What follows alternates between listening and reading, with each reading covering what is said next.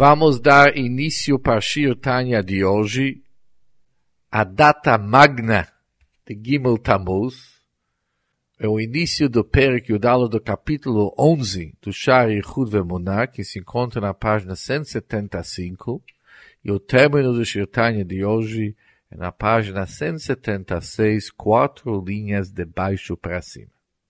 Resumindo o que, que nós estudamos no capítulo 10, no Perek Yud, aprendemos que as firot, que são os midot, os atributos do Deus, sua sabedoria e sua vontade, eles ganharam nomes individuais somente perante as criaturas. Ou seja, sendo que as criaturas estão sendo criados, apoiados e ganhando uma força vital através dos firot, eles são quem chama os firot com nomes individuais, classificando cada esfera numa forma de uma definição individual. Mas perante Hashem, perante a essência de Hashem, jamais que os midot ganham nomes como Chokhmah, sabedoria ou razão ou vontade. Porque eles são unidos com Hashem como uma unicidade perfeita. Por isso eles não merecem ainda um nome próprio. Da mesma maneira como nos vimos que a irradiação do Sol, enquanto ele está incluso e contido no próprio corpo solar, ela não ganha o um nome ainda, ela somente ganha o um nome próprio como or, irradiação, quando ela ilumina o mundo fora do corpo solar. Mas enquanto ela se encontra no próprio corpo solar, ela faz parte de algo bem maior que o próprio Shemesh, o próprio Sol, e de fato ela não tem um nome ainda. Sendo que ela está unido com o próprio Maor, com a própria luminária. Em nosso capítulo vamos aprender que não somente os midot, os atributos e os firot, ganham nomes perante, perante as criaturas, mas também as dez asserções, chamados dez asará mamarot, que na realidade os dez mamarot são uma revelação e uma extensão dos midot e os firot para poder criar, sustentar e se tornar uma força vital para todas as criaturas. Também o fato de ser chamados mamarot de ser chamados asserções é somente perante as perante criaturas, mas não perante Hashem. Perante Hashem também nos mamarot, eles são unidos como os firot, são unidos com os atributos da Hashem, que os atributos da Hashem são unidos com Deus com unicidade perfeita, de tal forma que nem Mamarot ganha uma individualidade, ou seja, um nome próprio. E agora vamos estudar o Shirtanya por dentro. Vehinei gam asara mamarot. Também as dez acerções. Gam que nikru Shem Mamarot. Também são chamados Mamarot acerções. Legabei Hanivraim Bilvad, somente em relação às criaturas. Conforme vamos estudar logo, mamar, acerções, é um conceito de Hidgalut, é uma revelação definida e específica que como shehamidot shebenishmat adam, da mesma forma como os atributos emocionais da alma humana, que shebaot lihidgalot bemasse, quando eles se revelar na ação, Heimbaot melubashot beotiot hamachshava, antes da midá, antes daquela emoção poder se manifestar através de um ato, ela tem que se investir nas otiot, nas letras do pensamento. Ou seja, antes de chegar no nível da ação, antes tem que se investir no otiot ha nas letras de pensamento. Por exemplo, Kigon Midat Chesed Rachamim Shabinshama. Por exemplo, os atributos de bondade e misericórdia da alma.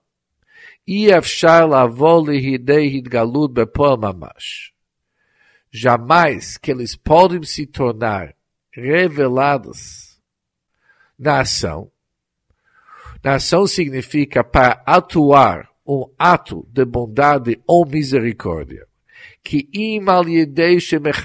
a menos que a pessoa contemple, ele pensa, bedatou em sua mente Umeharher Maser Hadzdakava Ele contempla sobre o ato do tzedakah de bondade e justiça e caridade. Lasotam Bepol Mamash, como que ele vai trazer aquele pensamento dele para o nível do ação. Ou seja, para fazer algo, para concretizar um ato, Antes a pessoa tem que contemplar o que, que ele está querendo fazer e como que será feito. Que Iefshar Lasot Bli Marshava, jamais que dá para concretizar e autuar, fazer algo sem pensar. A pessoa antes tem que ter um plano do trabalho, ele tem que saber o que, que ele está querendo fazer. Agora, existem casos, diz o Balatani, que não basta apenas pensar a pessoa tem necessidade de verbalizar aquela ideia dele através do vestimento do dibur, da fala, por exemplo, como Hamel, como o rei. Quando o rei ele ordena outras pessoas para fazer, neste caso, אזי מתלבשת מידת החסד וגם אותיות המחשבה באותיות הדיבור.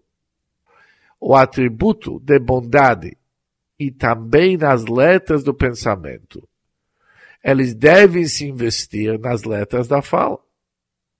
Ou seja, além de pensar, aquele pensamento, aquele sentimento do rei tem que se investir nas palavras, nas letras do Dibur. Em seguida, chegará até um alto, até o um nível do ação. וכן כשמדבר דברי חסד ורחמים לרעיהו.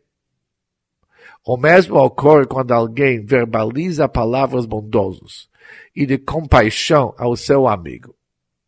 Quando ele verbaliza aquelas palavras, na realidade, o que está acontecendo? O, que está acontecendo é que os sentimentos deles, que antes se investiam nas letras do Marshavá, estão descendo e se investindo nas letras da fala. Com isso, podemos concluir que o Hidgalut, que é a revelação dos Kochot, das faculdades e atributos da alma, sempre é através de otiot de letras. Otiot HaMarshavá, letras de pensamento, ou talvez também otiot HaDibur, letras da fala. Kach al derech mashal.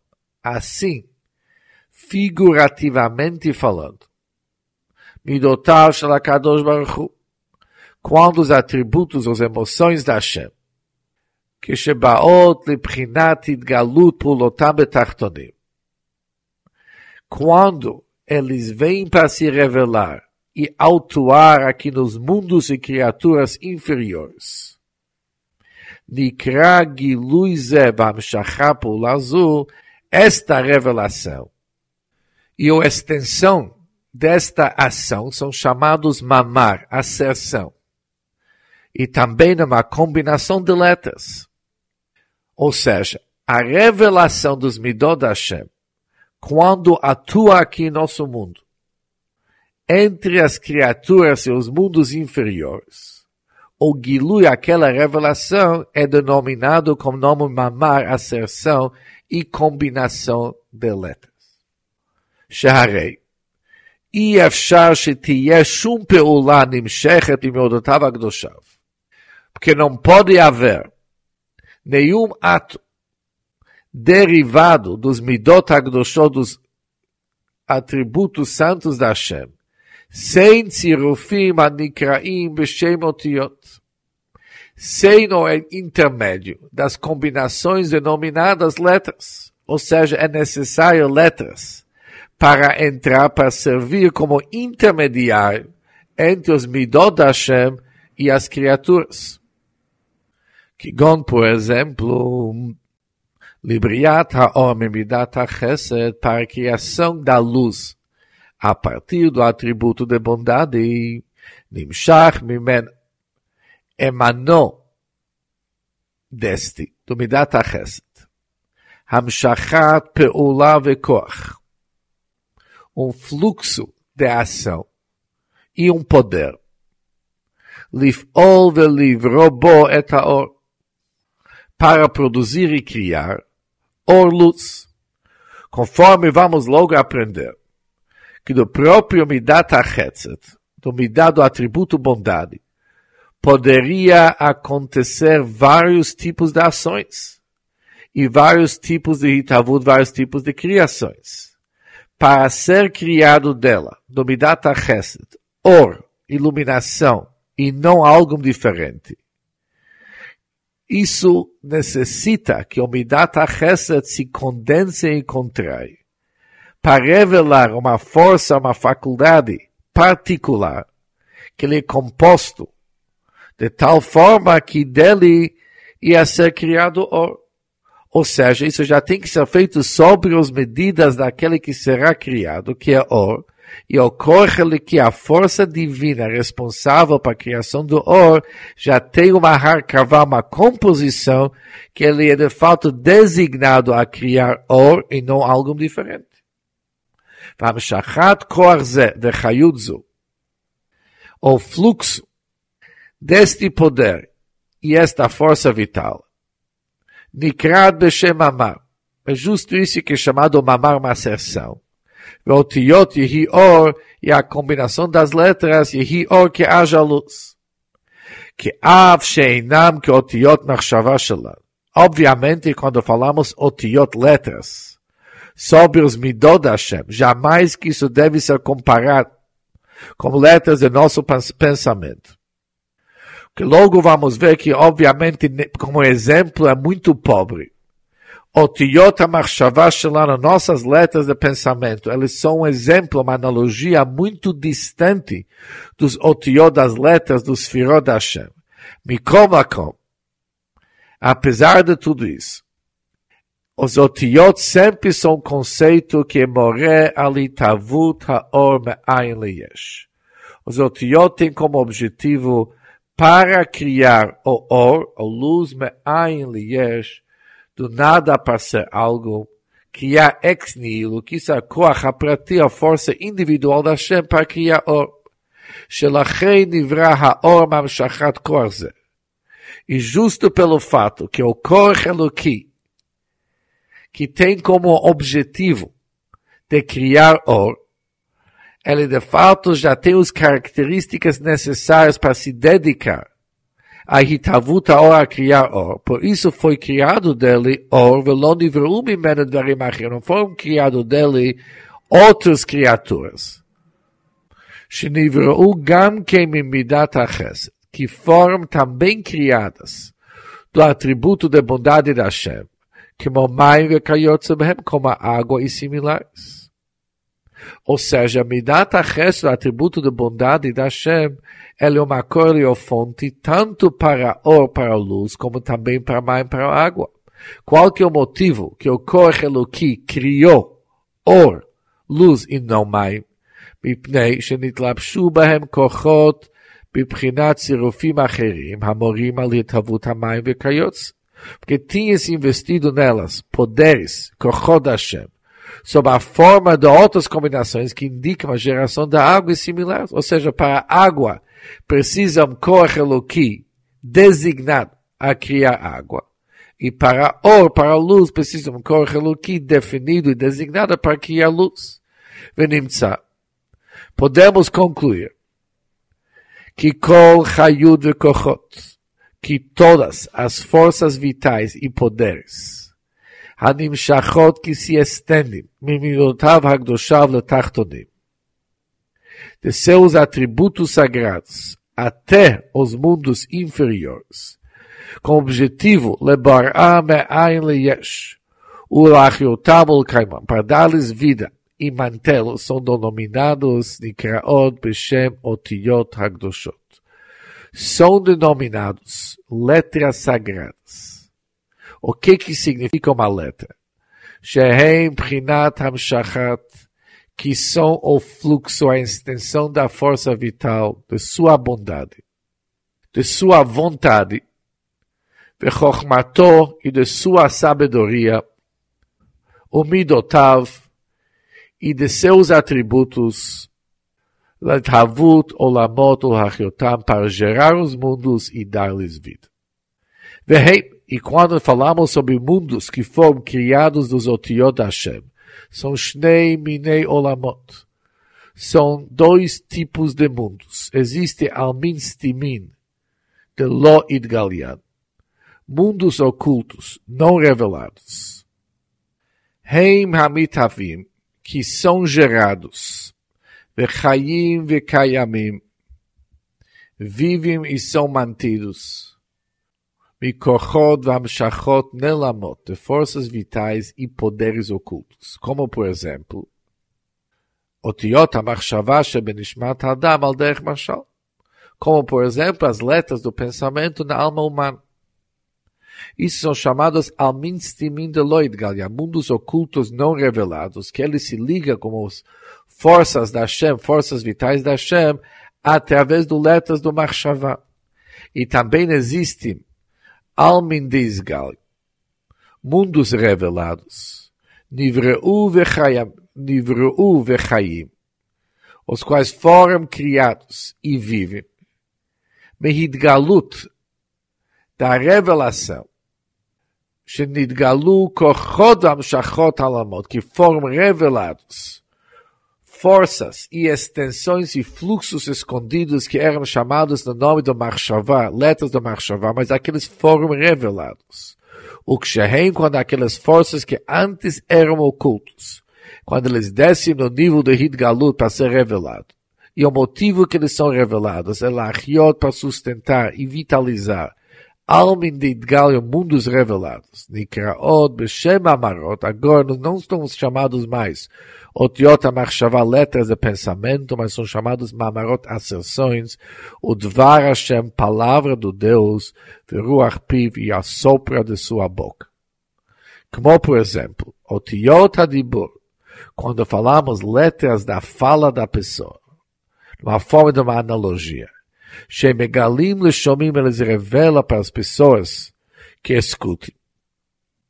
Que eles revela para as pessoas que escutam.